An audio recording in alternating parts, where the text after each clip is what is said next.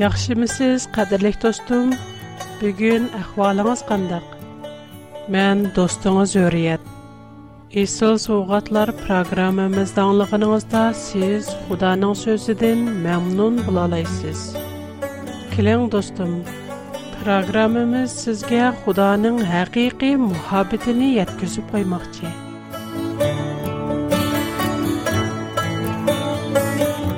Бүгүн кадерлек قربانیت و قربانی تقریضا سوزل پر مختی. همه مزگه معلوم. آدمات مزبلان هوا آن مز. چهلنگن می‌بینیم گناه قلعانین کن. اولارن تنه یالنگش لنب قلعان. شما اولار انجور پرمخلر بلن Әмма ашу әнҗири пармаклары уларның бәдененә тулык япалмайды. Шуңа Худа уларга тиредән кием кылып бергән. Гунахтан бурын адамыбыз белән һава анымыз кандак пак, сап булган булса, улармы Иран багыда хайванатлар, башка җанлыклар белән шунча ичил инак яхшы иде. Onlar heç qaçan bir-birigə ziyan zəhmət yetkizməydi. Amma пайда payda bolğanlıq Худа оларның ялыңач кылган тинене йеп турышы үчүн теридин ким кылып берди. Албатта бу адам атымыз белән хава анымыздын гунаһыга курбан болган тунчи мал. Шинондан татып адам атының авлатлары قرباله قلش نی دوام لشترب کرده. بلب مو اونن اغلی هابل قرباله نن منسی احمیت نی چون قرچنگش که از نن این یکشی قرباله نی خدا قات ده. ازون یلار یتیب ابراهیم پیغمبر نن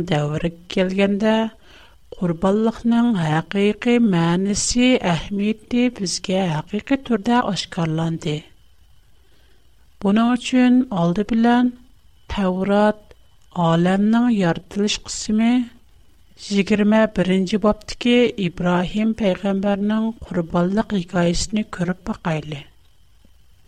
Pərverdigar özü vədə qılğandak Sarayga bəxit ata qıldı. Sara hamildar bulub İbrahimnin yaşınıb qalğan vaxtıda бір оғыл туып бәрді. Бала дәрвәқі худа бәлгілген вақытта туғылды. Ибрахим оныңға Исақ мәнісі күлке деп ат қойды. Құда бұйырғандек, Исақ туғылып, 8-ci күні Ибрахим оның хәтінісіні қылды. Исақ туғылған жағда Ибрахим 100 яшты еді. Истақ чоңбылу балағат кеткеннен кейін, Қуда Ибрахимның итқади не сынап уне. Ибрахим дәб чакырды. Ибрахим, лэббай, диди. Қуда унаға, сен угулуң не? Яни Амрак Йалғыз угулуң исақнеліп, Мурая раюнаға беріп, Мән көрстедіған тағының үстіде, уни көйдірме құрбалық сүптеде маңа атығын деді. Әдісі сәхәрді Ибрахим ішекні егерліп, Исақ білән ішкі чакырыны еліп, көйдірме құрбалыққа ішлетедіған отуларыны тәйярлап, худа көрсеткен жайыға қарап маңды. Üçüncü günü İbrahim o yerini yıraqdan gördü və çəkarlarına. Sizlər eşək bilən bu yerdə turub durunlar. Balam ikimiz o yerə verib ibadət qılıb kiləyli, dedi. İbrahim İsaqa otullarını götürdüb, özü qoluğa bıçaq bilən ot ilib, İsaq bilən yürüb getdi.'' ساق اتا اوت بلان اوتوم بار لكن كويدرم قربالاقا اشلتدغان قوزاقني دب سوردي ابراهيم اونغا اي اغلوم قربالاق قلدغان قوزني خدا اوزي يتكسب بردو دب جواب برده شكيلان تختماي مانده Ular Худа İbrahimğa көрсәткән җайга килгәндә, İbrahim курбанлык супсы ясап, утынларны үстигә куеп, өз оглыны баглап, утын дөвләнгән супыга яткызды. Андан оглыны бугызлаш өчен пичакны көтөрде. Бирок Парвардигарның фәрештәсе әриштин. İbrahim Ибрахим теп вақырде. Ләбай диди ул, периште унауга: "Куллыңны тарт, балыğa чыкма. Мен синең мене хөрмәтледерегән һәм маңа итаъат кылдырганлыкны әнди бөлдим. Чөнки син үз оглыңны Yani bir tal oğlanımı menden ayımdın dedi. İbrahim ətrafıqa qarıvedi, müngüzi çatqalğı ilişib qalğan bir qoçqar onun közgə çiliqdi. O berib, qoçqarını işib, Оны өз оғлының орныда құрбалық қылып көйдірвәтті. Пәрвердігарның пәрештісі ішкенчі қытым османден Ибрахимға.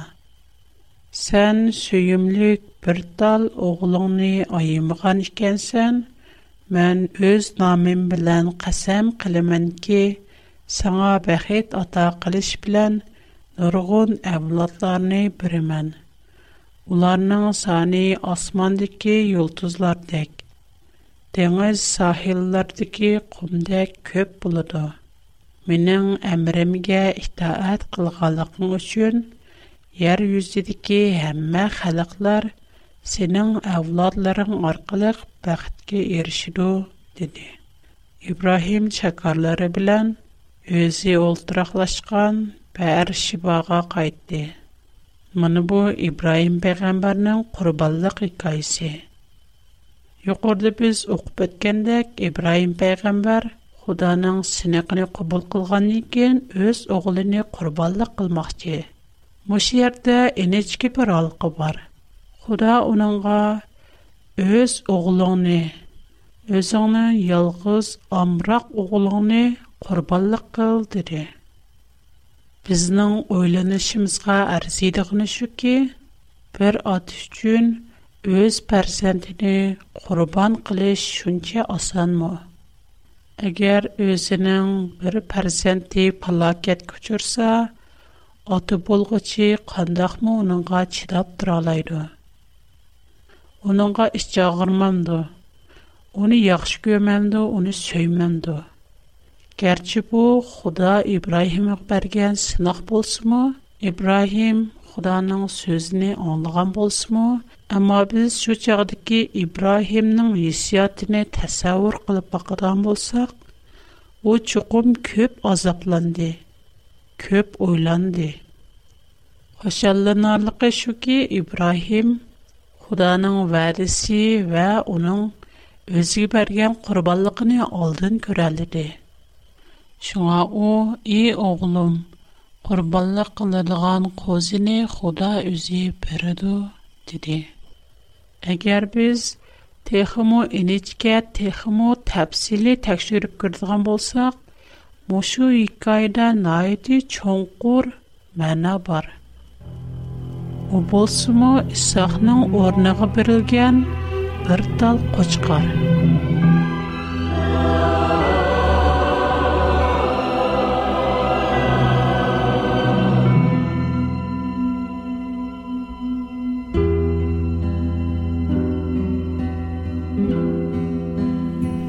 Тауратта құрбалық тұғырыста көпліген исамлар бар. Біз Таурат Месірдің шықыш қысым 12-кенде баптен мұныларыны көрәлейміз.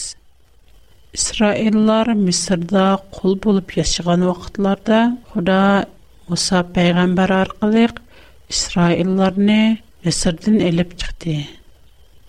Әмма Мисыр падишаһи найти чахил ва залым булгачка уларны китишигә юл коймады.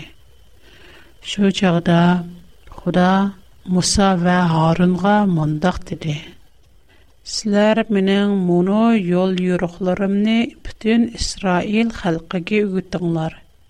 Мушу айның 10-нчы көне һәрбер аиленең аиле башлыгы o'z oilasi uchun xudoga qurbonlik qilishga bir qo'y yoki o'chki tanlasin agar oilasida odam az bo'lib bir molni yeb bo'lolmasa uni qo'shnisi bilan birlashib qurbonlik qilib go'shini odam soni va istimal miqdoriga qarab taqsim qilsimi bo'ldi lekin Qorbanliqqa isletiladigan mal 1 yoshlik ayipsiz qo'chqor yoki erkak uchka bo'lishi kerak.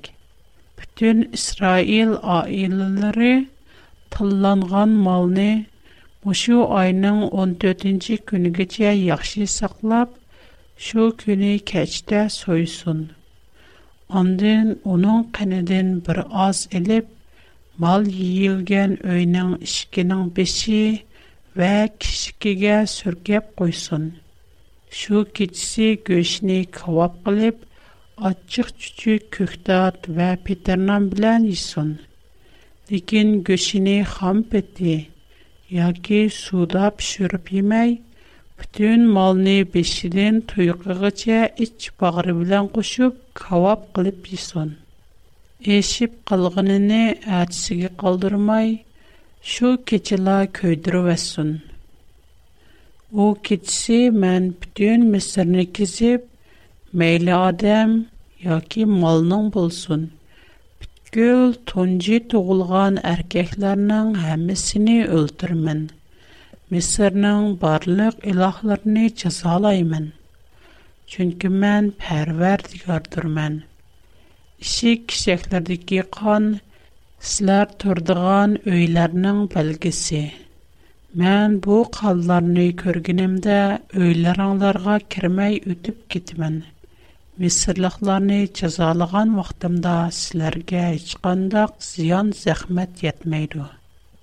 Шынуна тәурат дені құрбалы қылышының бір үйріш низамлары бар.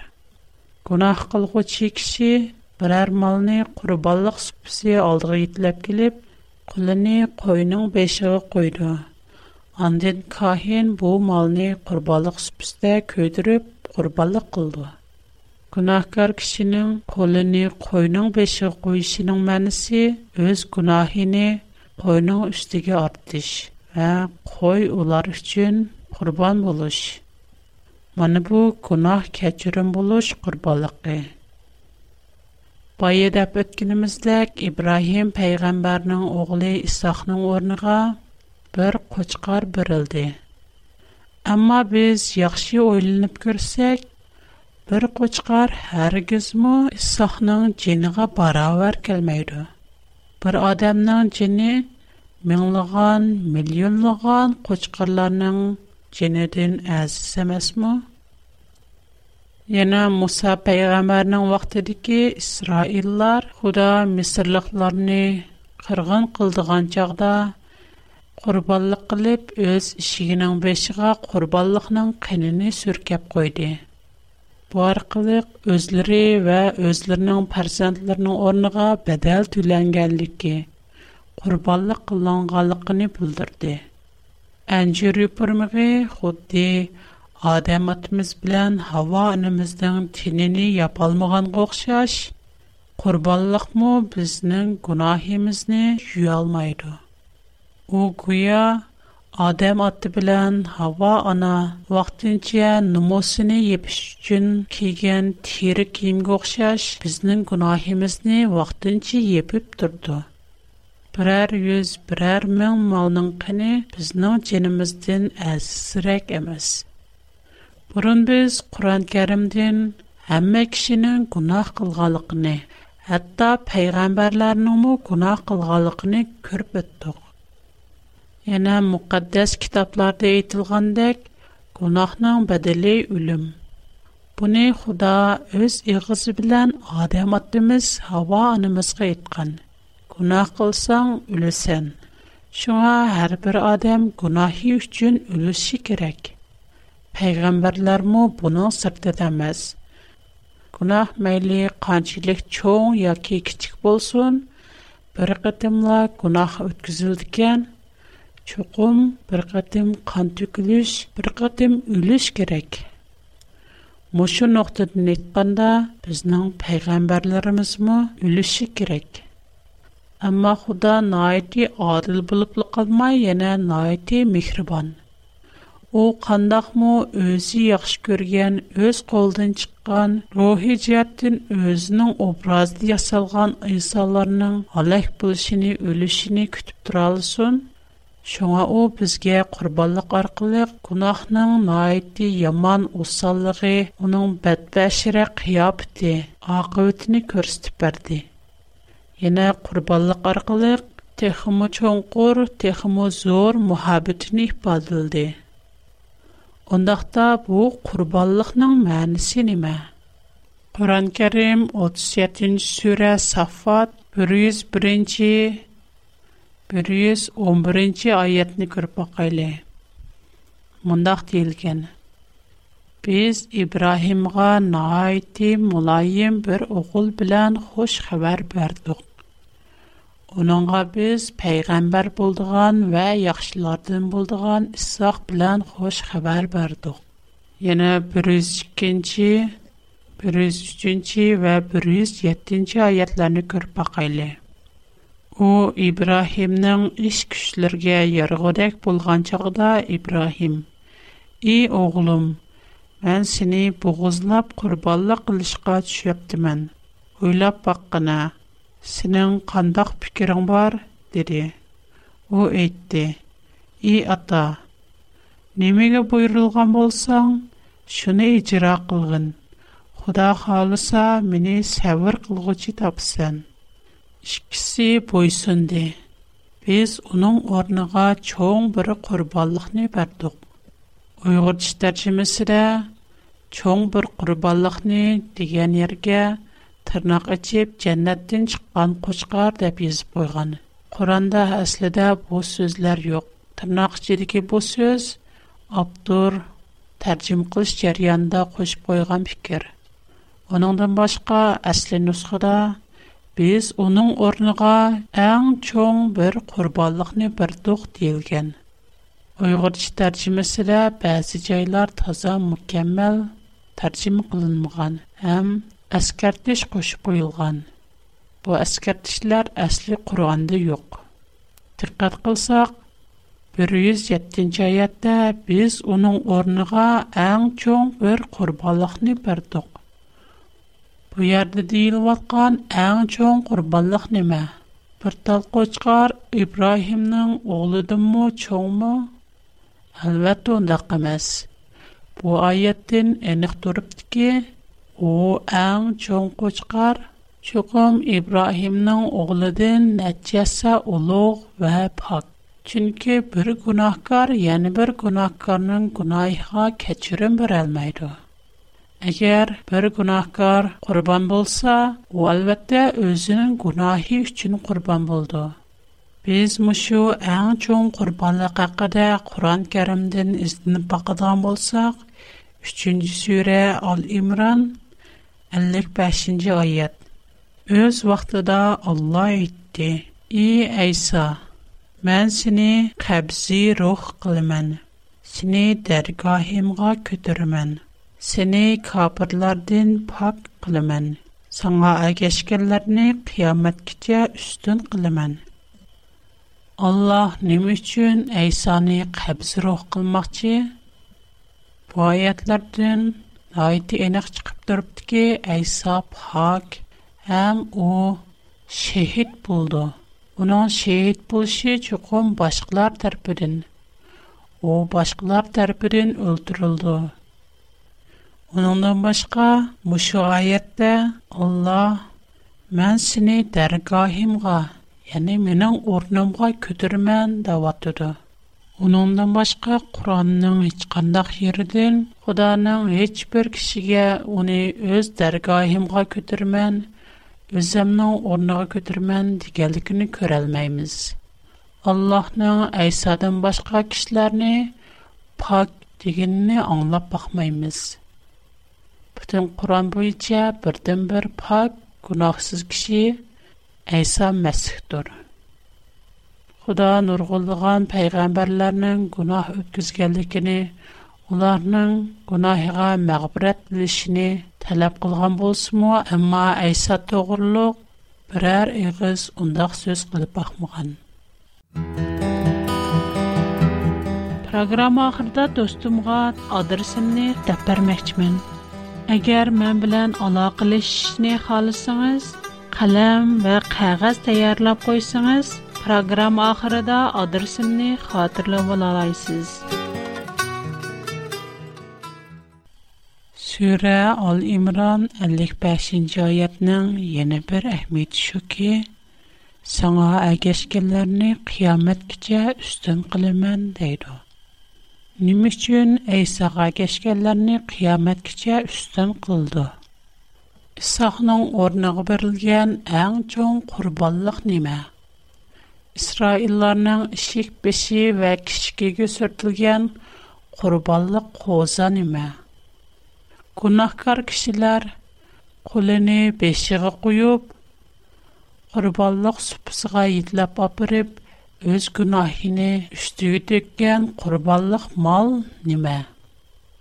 Buning uchun biz Injil Yuhanna bayon qilgan xush xabar 1-bob 29-30-31-ші айетлігі қарап бақсақ, бұныңден найты әніқ жауапқа ершіміз. Яхия пайғамбар әзірді әйсаның өзіге қарап келуат қалықыны көріп, мұндақ деді. Мәні бұл пүткіл дүниадығы инсаларының күнахыны әліп кетедіған, яке üstiga oldigan xudoning qurbonliq qo'zisidir man sizlarga mandan keyin kelguchi mandan ulug'dir chunki u man tug'ilishdan burunla mavjud edi degan edim Mani bu dal man tilg'a olgan ashu kishidir man asli uning kimligini bilmaydim ammo bir qutqizg'ichining cho'qim keldiganligini bilatdim Demek Yahya Peygamber Hesanın dəl əsrlərdən biri qurbanlıq qılıb kilvatqan Xudanın qurbanlıq qozisi ikənlikini bizə enib edib bərdi. Şuna biz Tevrat, İncil və Qurandan oxuğan ayətlərini bir yer yığın çaxlab qurbanlıq və qurbaniyyətinin mənisini düşəndirib gəlsək, Уның əsli əhmiyyəti və mənisi günahıya keçirim soraş üçün ikəlikini kürə olalayımız. Qurbanlıq адамның Adəmnin günahini vaxtınca yepib durdu. Bıraq onun çonqur mənisi var. O bosmu, o biznin günahlarımızını üstü gelib, бізнің гунахимыз үстіде қурбан болдыған Қуданың Қурбаллық Қозысының яни Айса Мәсихның Симовылыдыр. Қурбаллықның кімитті біткіл инсаларының яни гунах үткізген біткіл инсаларының кімиттіки барауэр булыш керек. У яна гунахсиз булыш керек. Чунки біргадымлах гунахмы адамни чинадын жуда қылды. Шуңа фақат пак, нұқсансыз, әйіпсіз бүтін гунахларны өз үстіге алалайдыған вә башқаларның гунахini өз үстіге елішні, башқаларға кәчірім бірішні халайдыған, ашында құрбалықла біздің гунахимізні епкетуді. Тавратта Худа бізге бұл нұқтыны әскерткені.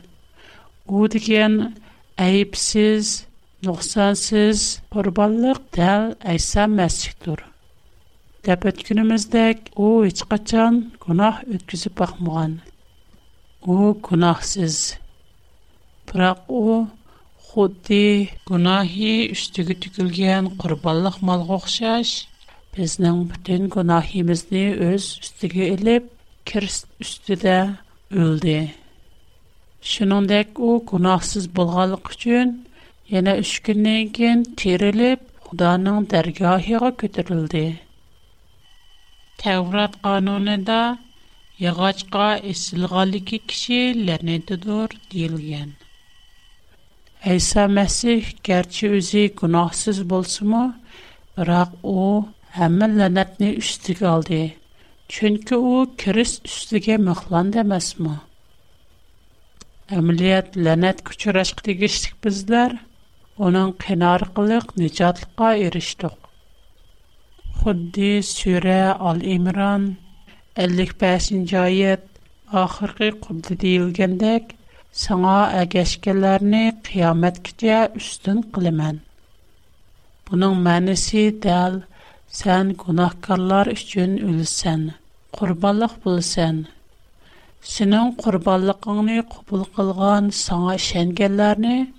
قیامت کیه یشتن قلمان دیگر لکتور. قدر لکت استم عالم یارد لگاندن ترتیب آذر کیه اثر لردم بری نورگلگان خانلر تقلدی نورگلگان قربالخلار اولترلدی برای قیچکایش نم اهمیتی ایسا مسیح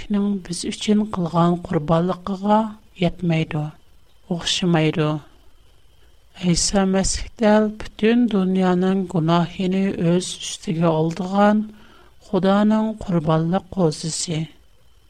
Bizning barlıq günahimiz onun üstüge tükülgeşke, qadirlik dostlarım. Biz, biz üçün qançilik zor bədəl tüləngenlikini hər vaqt unutub qalmayli. Bizning hayatimiz naiti qimmet toxtidi. Худа бізні на айти зор бадал билан қайтыр валды. Бізнің кунахимыз чын шынчула зор бадал туланган икен, біз әр вақид Құданың бізге қылған михирі шептіні унтып қалмайлы. Оныңа тэшэккір ұйтайлы. Хэм оның бізге барген кұрбаллықыни кубыл қылайлы. Әгер біз оның кұрбаллықыни кубыл қылса, бу кұрбаллық, har birimiz uchun berilgan biz bu qurbonlik orqali nijotlikqa erishalaymiz qadrli do'stlarimning qurbonlik haqida texmo astoydil texmo cho'nqur o'ylanib o'zlarining nijotligi uchun badal bergan mushu ang cho'ng qurbonlikni qabul qilishini umid qilaman әгәр сезнең курбанлыҡ хаҡырыбы ҡарап башҡа ике фикереңиз булса və яки курбанлыҡ хаҡыда сизге эниҡ булмаған мәсьәләләр булса, моңа хат яҙышәңизне мәтҡәлләм. Килә ҡатем сезнең программамىزны яңа зыярат ҡылып килешеңизне арҙу ҡыламын. Минең тора адресым: uriyet@ikfood.com. Менә хата адресым: W R P O Box 310. Менің қазіше хат адресім Шанган Юджин Сунчи 310-ші номер. Хош, Худаға аманын. Қайт көрішкіче аман болуң.